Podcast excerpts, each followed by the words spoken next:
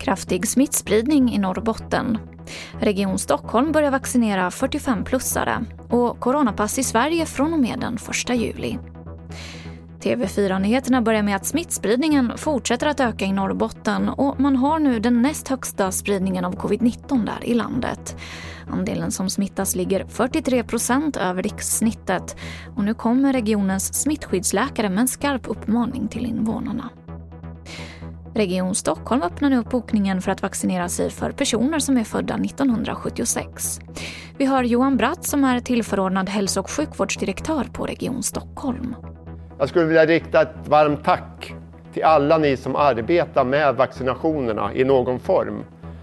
Ni har gjort ett fantastiskt jobb och ni gör ett fantastiskt jobb. Tack vare er så ligger vi nu rejält före den tidplan som vi presenterade tidigare. Vi sa då att fas 4 skulle komma igång och inledas förra veckan, vecka 19.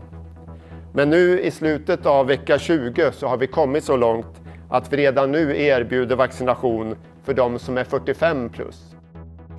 Idag inleddes rättegången om knivdådet i Vetlanda. Mannen som knivhögg sju personer i mars erkände två mordförsök.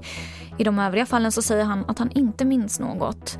Mannen är afghansk medborgare och enligt sin asylansökan från 2016 så är han 22 år.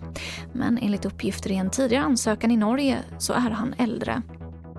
Och till sist kan jag berätta att från och med den 1 juli så kan vi i Sverige få vaccinationspass eller coronapass som går att använda för resor i andra EU-länder. Det här säger digitaliseringsminister Anders Ygeman till Ekot. Passen visar om man har fått coronavaccin, om personen har haft covid-19 eller ett negativt testsvar som är max 72 timmar gammalt. Och det var det senaste från TV4 Nyheterna. Jag heter Emily Olsson.